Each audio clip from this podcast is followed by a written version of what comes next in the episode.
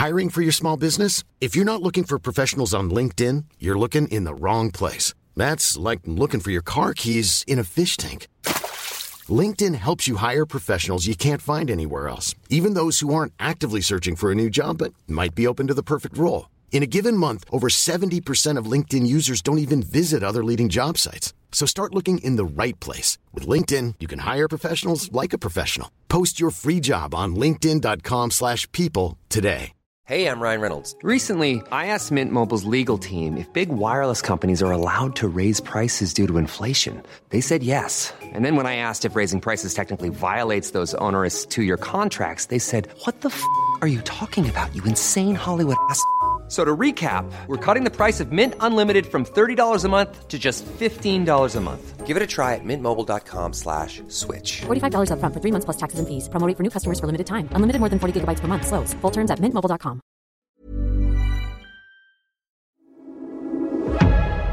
Du lyssnar på GVS ljudböcker.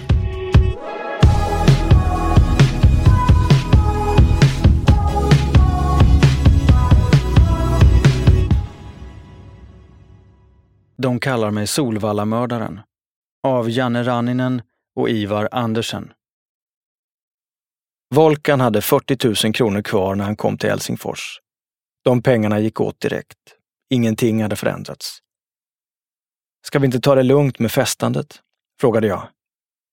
Låt oss festa. Vem vet, om två veckor kan vi vara döda eller sitta på livstid, sa Volkan. Han syftade på att vi skulle över till Sverige och klippa Leo Chito. Jag har inte en tanke på att något av de två alternativen ska inträffa, sa jag. Volkan började prata om sin mamma. Hon var fett orolig när hon hörde att jag skulle kliva in i vittnesskyddsprogrammet. Okej, okay, sa jag. Jag ville verkligen inte höra om Volkans mammas oro. Jag hade inte råd med de känslorna nu. Ville bara distansera mig från alla varma känslor. Hon sa till mig, min son, gör vad som krävs. Döda, hamna i fängelse, gå till polisen, men dö inte själv. För mot döden finns det ingen lösning. Från döden finns det ingen väg tillbaka, fortsatte Volkan. Vilka ord, tänkte jag. Döden är verkligen oåterkallelig. Jag ville men kunde inte bryta samtalet där. Var tvungen att låta det fortgå. Jag hade ju en fasad att hålla upp. Hur mår de? Din mamma och din lillebror och lilla syster? frågade jag. Ja, det är jobbigt för dem. Mamma och Kenan tar det väl som ett måste. Men lilla syran blev det jobbigt för. Hon hade ju sina kompisar i skolan som hon inte ens kunde säga hej då till. Hon ville ju inte flytta från Jordbro. Mina tankar gick till Volkans lilla syster. Stackarn. Hela familjen hade tvingats flytta när han klev in i vittnesskyddet. Ännu ett barn som skulle traumatiseras för livet av våra handlingar. Minns du när du berättade för mig om fåglarna du köpte till henne? Frågade jag. Ja, hon blev fett glad, sa Volkan. Hans lilla syster hade önskat sig fåglar, så Volkan hade gått och köpt en fågelbur, två undulater och allt som hör till. Sen hade han ställt den i trappen utanför lägenhetsdörren, plingat på och gömt sig i trapphuset. Hans lilla syster hade öppnat och förstått att fåglarna var till henne. Hon hade blivit utom sig av lycka. Minnet kändes som en kniv i mitt hjärta. Vad fan höll jag på med? Varför satt jag i den här situationen? Ångesten kändes som att den skulle svälja mig hel. Men det är lugnt. Snart är allt över och hela familjen kan flytta tillbaka till Jordbro. Efter att vi klippt Leo och Chito, sa Volkan. Hans ord ryckte mig tillbaka till nuet. Efter det kommer allt vara löst, Janne. Vänta och se bara. Visst, tänkte jag. Precis som att allt löste sig efter Solvalla. Volkan reste sig och gick iväg till sin väska. De gav mig till och med ett nytt pass när jag var i vittnesskyddsprogrammet. Vill du se? Nej, det är lugnt, svarade jag.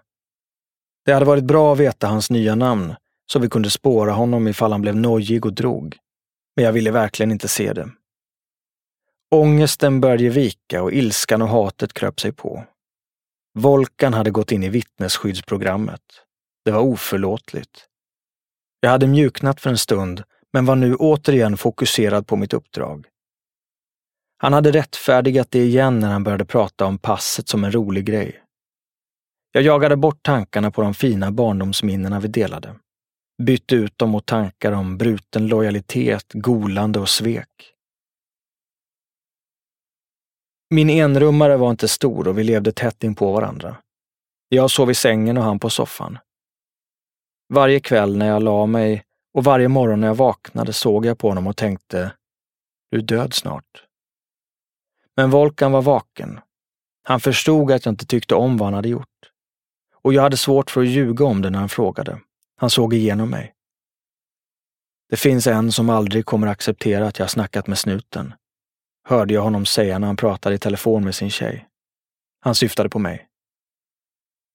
Volkan förstod att någonting skulle hända. Jag gjorde mitt bästa för att övertyga honom om att allt var lugnt, men att hålla fasaden uppe kostade på. Det var ett ansträngande spel att spela. Jag kunde rättfärdiga klippningen. Volkan hade gjort fel och skulle få sota för det. Men jag hade fortfarande känslomässiga band till honom. Mitt jobb var att plocka hit honom till Finland. Inte mer än så. Jag blev aldrig erbjuden några pengar för det och hade jag blivit det så hade jag tackat nej. En sån här grej ville jag inte göra för pengar. Det hade bara varit smutsigt.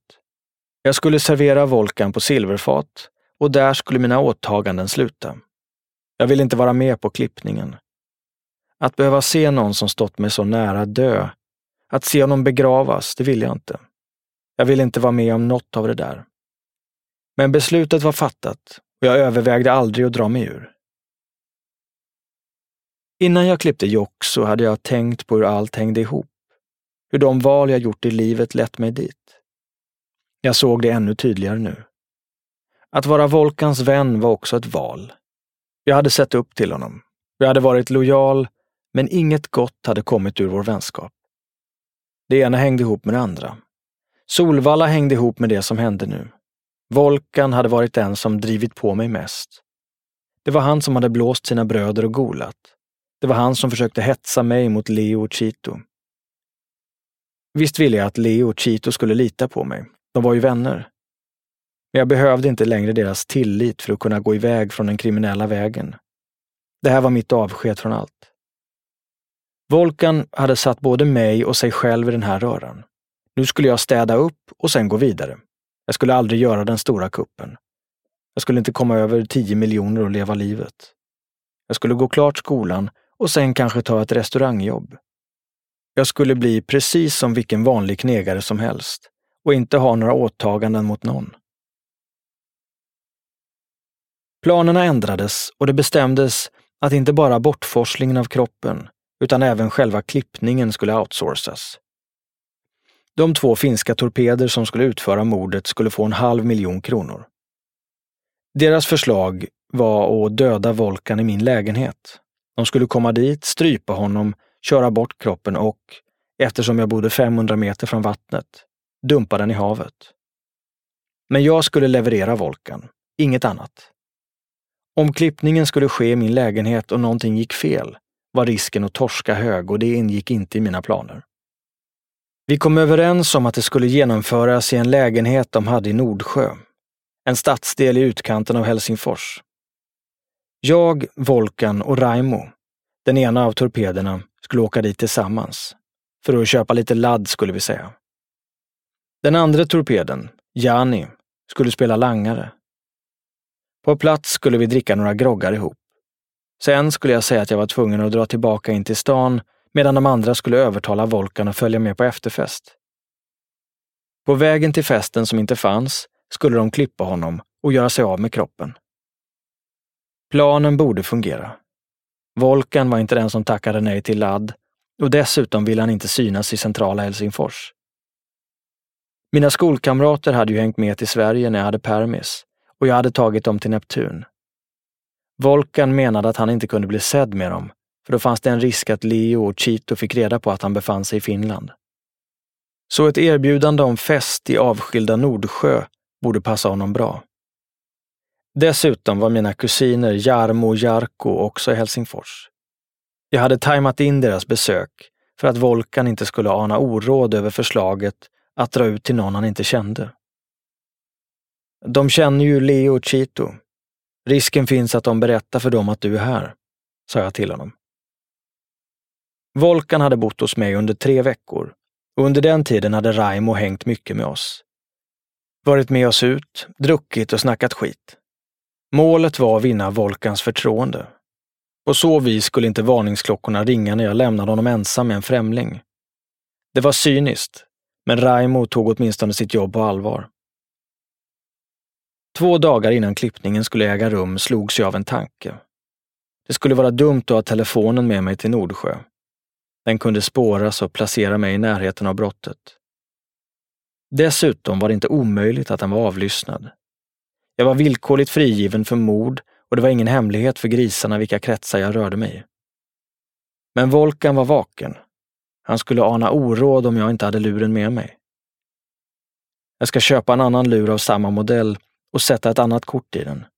Gör samma sak du också, sa jag till Raimo. Äh, skit i det, sa han. Det är lugnt. Det ska inte hända något i lägenheten ändå. Jag tyckte fortfarande att idén var bra. Men Raimo var dubbelt så gammal som mig. En snart 60-årig gubbe som varit med länge. Och jag bestämde mig för att lita på hans erfarenhet. Om han sa att det inte var någon fara, så var det väl inte det. Han vill ju torska lika lite som jag.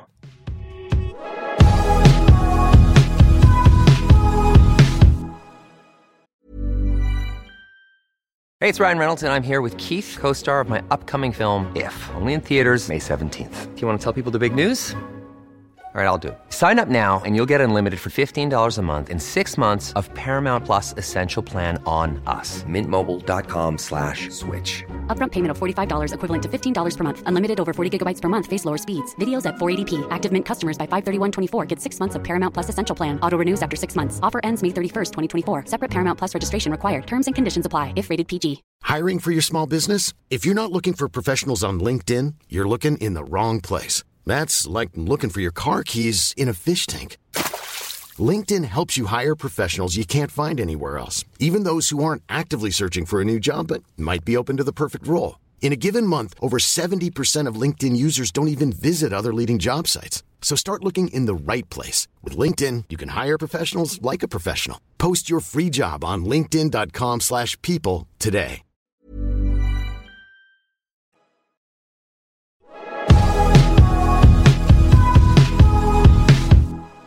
Oktoberhimlen hängde tung över Helsingfors.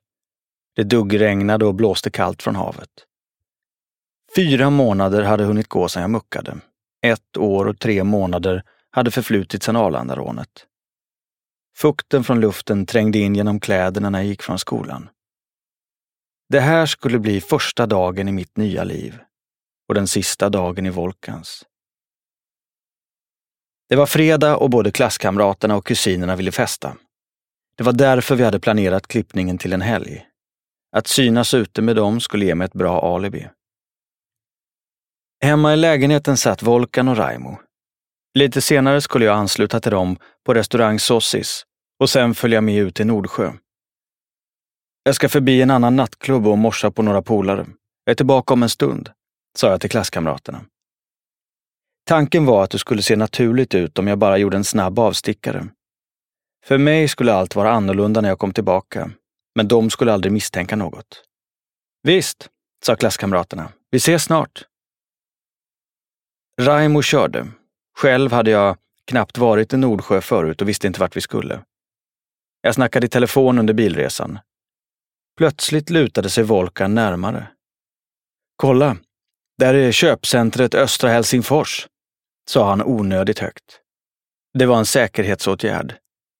Han trodde att min telefon var avlyssnad och om det skulle hända honom någonting skulle snutarna kunna lyssna av banden och spåra hans rörelser. Han var så hela tiden, alltid vaken.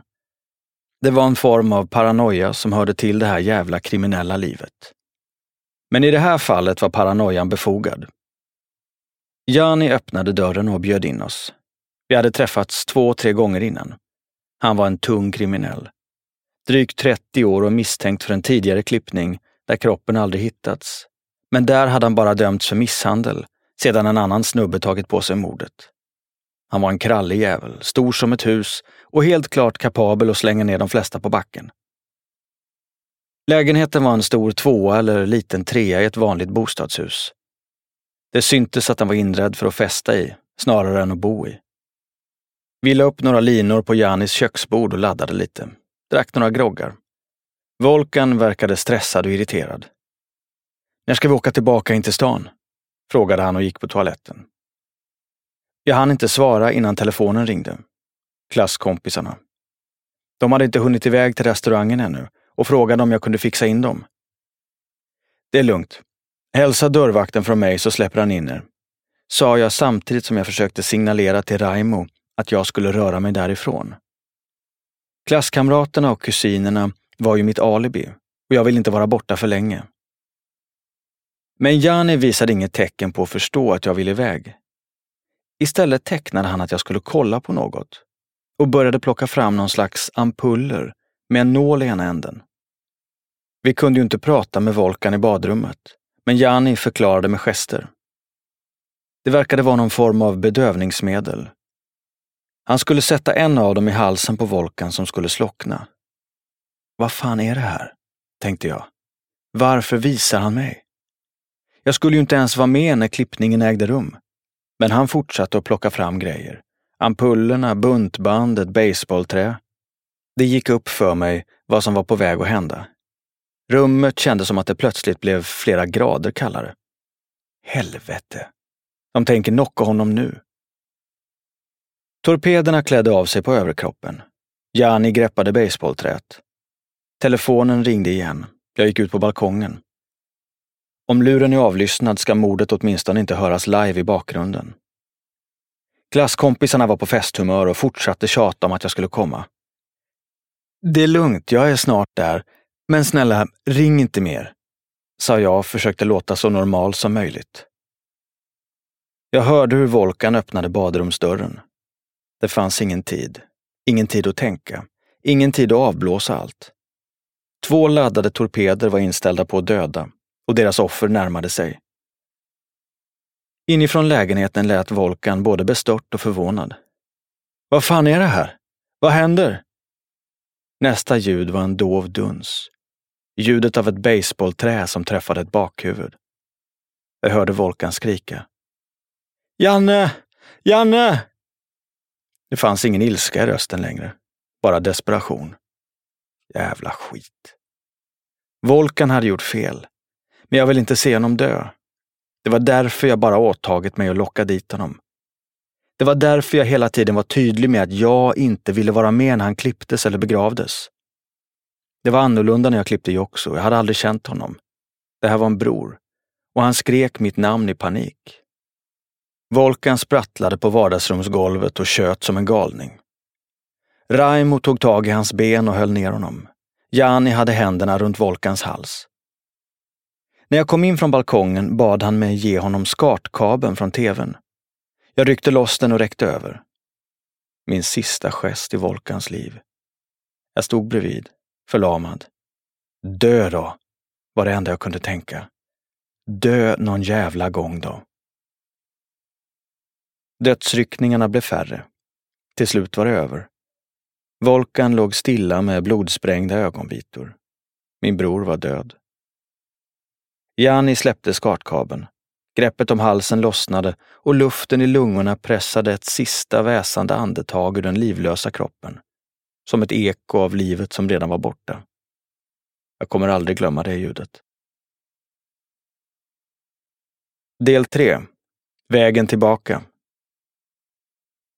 Det här är knas, tänkte jag. Volkan hade skrikit som en galning. Tänk om grannarna hört. Torpederna förlorade ingen tid. De hade fått rådet att bunta ihop honom fort innan kroppen hann stelna. Huvudet blödde fortfarande kraftigt så de virade en handduk runt. Sen la de kroppen i en stor blå tygväska som de släpade in på toaletten. Jag kollade mig omkring i lägenheten. Den var full av spår. Volkan hade fått ett baseballträ i skallen och sen blivit strypt. Det måste finnas DNA överallt. Det hade blivit ett missförstånd. Jani hade inte vetat om att jag skulle iväg.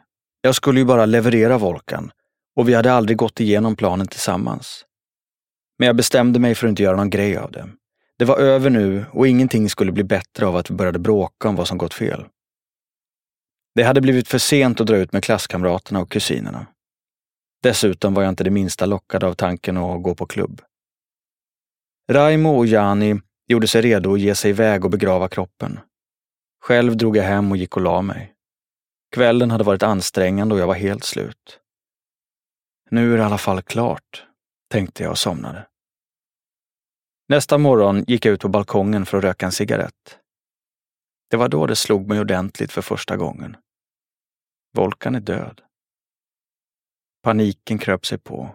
Det var över nu. Jag var klar med uppdraget. Denna del av mitt liv var över. Det var inte något slut som gick att skyffla under mattan. Ingen flykt från problemen. Det här tog hårt. Volkan hade litat på mig när jag hämtat honom från Sverige. Han hade litat på mig under större delen av sin tid i Finland. Nu hade jag svikit honom på värsta tänkbara sätt. Jag hade lockat honom i döden och som hans mamma hade sagt, från döden finns ingen återvändo. Jag hade svikit hela hans familj. De hade trott att han var i säkerhet hos mig. De hade varit oroliga för att någonting skulle hända men hade nog aldrig trott att det var jag som skulle leda deras son, bror, släkting till bödlarna. Jag kände mig rutten över det lidande jag orsakat dem. Än en gång var jag tvungen att stålsätta mig. Jag rättfärdigade mina handlingar med att Volkan gjort ett medvetet val. Han hade vetat att han bröt mot den kriminella världens allra viktigaste koder. Han hade gjort saker man bara inte gör. Och dessutom hade han inte betett sig korrekt mot mig heller. Nu var det bara att gå vidare. Hur mycket jag än åkte berg och dalbana i mina känslor så var det bara att bita ihop. Jag hade varit med om de här panikkänslorna förut. Det var bara att kämpa sig igenom dem. Fyra dagar efter klippningen reste jag över till Sverige. Raimo åkte också över med en annan färja. Det var dags att meddela Leo att det var gjort och på grund av risken för avlyssning kunde sånt inte tas över telefon. Volkan hade massor av kläder hos mig. Jag måste göra mig av med hälften av dem, tänkte jag. Om snuten kom och ställde frågor var min plan att säga att han hade rest bort och att jag inte hört av honom. Då var det bäst att inte ha hela hans garderob hemma i lägenheten. När färjan kom till Sverige blev jag stoppad i tullen. Jag hade packat kläderna i bilen och självklart började tullaren kolla igenom dem. Hon plockade upp ett par dojor ur väskan. Jävla skit. De kommer kolla storleken, tänkte jag. Volkan var tre storlekar större än mig och hade haft ett par feta Nike Air Max med stötdämpning i hälen. Det var säkert därför de kollade. Det såg ut som ett bra utrymme att gömma någonting i. Men den första tanken som passerade genom min skalle var att de skulle se att skorna inte var mina. Hade de redan span på mig för mordet? Jag höll minen. Tullaren slängde in skorna i bilen igen. När jag kom fram lämnade jag över två fulla väskor kläder till en kille som åkte iväg och eldade upp dem. Chitos kusins dotter fyllde ett år under mitt besök. Det är en viktig händelse för sydamerikanska familjer och de hade hyrt en stor festlokal i Haninge. Stället var fullt av gamla vänner. Många av dem hade jag inte sett på flera år. Efter ett tag ursäktade jag Leo oss och gick ner i kulverterna under lokalen. Där berättade jag att det var gjort och hur det gått till. Han var glad att det var över, men hälften av glädjen kom sig säkert av lättnad. Vi gick upp och firade. Det kändes lite sjukt. Medan Chitos familj firade en födelsedag firade vi klippningen på Volkan. Medan de firade livet firade vi döden. Efter en knapp vecka i Sverige var det dags att åka tillbaka till Finland. När jag kommit hem ringde jag Anna, Volkans flickvän. Var är Volkan? frågade jag. Jag hoppades att du visste, sa hon. Han skulle ta en annan båt för han trodde att tullen skulle ta mig. Sen skulle vi mötas upp i Sverige, men jag fick aldrig tag i honom, ljög jag. Stackarn var fett nojig att något hade hänt honom. Det hade det ju också, även om han förtjänat det. Vi pratade i telefon tre, fyra gånger. Hon hade kontakt med poliserna som stått för Volkans vittnesskydd. Jag erbjöd mig att prata med dem. Det är bara att säga åt dem att ringa mig om det är något. De ringde aldrig. Det här ska nog ordna sig ändå, tänkte jag. Två månader senare ringde snuten. Hej! Vi letar efter en försvunnen kille som heter Volkan Unsal. Du sågs med honom sist. Kan du komma in på förhör? sa rösten i andra änden av telefonen. Jag var övertygad om att jag skulle bli häktad. Åtminstone några veckor beroende på bevisläget. Jag packade en väska med grejer och gav till min flickvän. På en bar på Pasilas tågstation beställde jag en rom och cola, en styrketår. Det blir säkert den sista på ett tag. Men snutarna hörde mig inte som misstänkt för något brott, utan bara upplysningsvis. Vi blev sittande i flera timmar och jag gjorde mitt bästa för att verka behjälplig. Jag har kvar Volkans grejer hemma, sa jag. Jag vet inte var han är, men jag tänkte att det skulle vara bäst att behålla dem om han skulle komma tillbaka och hämta dem. Kan vi ta dem? undrade förhörsledaren. Självklart. Ett par snutar följde med mig hem och plockade upp Volkans prylar. Sen tackade de för sig och gick. De ville inget särskilt, sa jag till tjejen. Allting är bra. Min flickvän bodde en bit utanför Helsingfors. Jag hyrde ut min lägenhet och flyttade in. Större delen av min tid tillbringade jag där hemma hos henne. Jag var inte ute och festade längre. Jag gick i skolan och levde ett normalt familjeliv. Det räcker nu, tänkte jag. Jag är klar med den där skiten. Men skiten var inte klar med mig. Det var morgon och jag hade precis vaknat. Grannen under var en god vän. Hennes dotter och min tjejs son var bägge i tvåårsåldern och lekte ofta. De hade väckt mig och ville att jag skulle busa med dem. Jag brukade bygga slott av täcken och kuddar åt dem i vardagsrummet. Okej, okay, okej. Okay. Gå in i vardagsrummet så kommer jag om tio minuter, sa jag nyvaket. Från vardagsrummet hörde jag barnen stoja. Genom fönstret såg jag vintersolen lysa vackert. Jag hade sovit bra och hade inga särskilda planer för dagen. Kanske kan jag ta en promenad på stan med ungarna, tänkte jag. Men det skulle inte bli något av den planen. Polis! Rör dig inte! hörde jag någon skrika. Plötsligt stod fyra snutar i sovrummet. Två av dem greppade snabbt mina armar. Har du några vapen här i rummet? frågade en av snutarna. Jag var nyvaken och hela situationen kändes surrealistisk. Vapen i sovrummet, tänkte jag för mig själv. För inte så länge sedan hade jag levt ett liv där det kanske hade varit en bra idé. När jag muckade efter Solvallavoltan hade jag direkt köpt ett vapen som jag förvarade i en låda i vardagsrumsbordet. Mitt i lägenheten, så att det aldrig skulle vara mer än några steg bort. Men då bodde jag ensam. Nu hade jag barn runt omkring mig och vapen var inte att tänka på. Nej, inga vapen, svarade jag. Visa oss var du har dina kläder så tar vi fram dem åt dig. Jag hade sovit i boxershorts och pekade mot en av garderoberna. Snutarna plockade fram ett ombyte och gav mig en varning. Vi kommer att släppa din ena hand så att du kan klä på dig. Men håll dig lugn. Jag frågade efter barnen. En av våra kollegor är i vardagsrummet med dem. Jag frågade om jag fick krama dem adjö. Det funkar inte så, blev svaret. Snutarna körde utan dragna vapen och hade haft nycklar, så att de inte behövt bryta upp ytterdörren. De körde schysst och jag tror att barnen knappt ens märkte något. Men senare fick jag höra att de blivit ledsna när de upptäckte att jag var borta. Snuten förstörde deras lek. Fyra månader hade gått sedan klippningen. Fan, de har hittat kroppen, tänkte jag när de satte mig bak i polisbilen. Genom fönsterrutan kollade jag ut mitt hus. Jag hade trivts med att bo där och med livet jag hade. Nu kommer jag inte se det på riktigt länge. De körde mig till polisstationen i Esbo. Jag blev anhållen misstänkt för mord, men de sa ingenting om kroppen.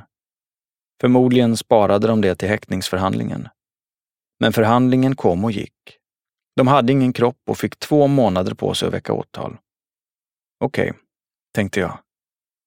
Nu är det bara att kriga mot dem. De kanske kan väcka åtal, men de kommer inte lyckas få en fällande dom. Den här fighten grejar vi. Hej! Janne Ranninen här. Om ni gillade min bok Solvallemördaren så finns även min nya bok Bakom murarna ute nu. Planning for your next trip? Elevate your travel style with Quince. Quince has all the jet-setting essentials you'll want for your next getaway, like European linen, premium luggage options, buttery soft Italian leather bags, and so much more.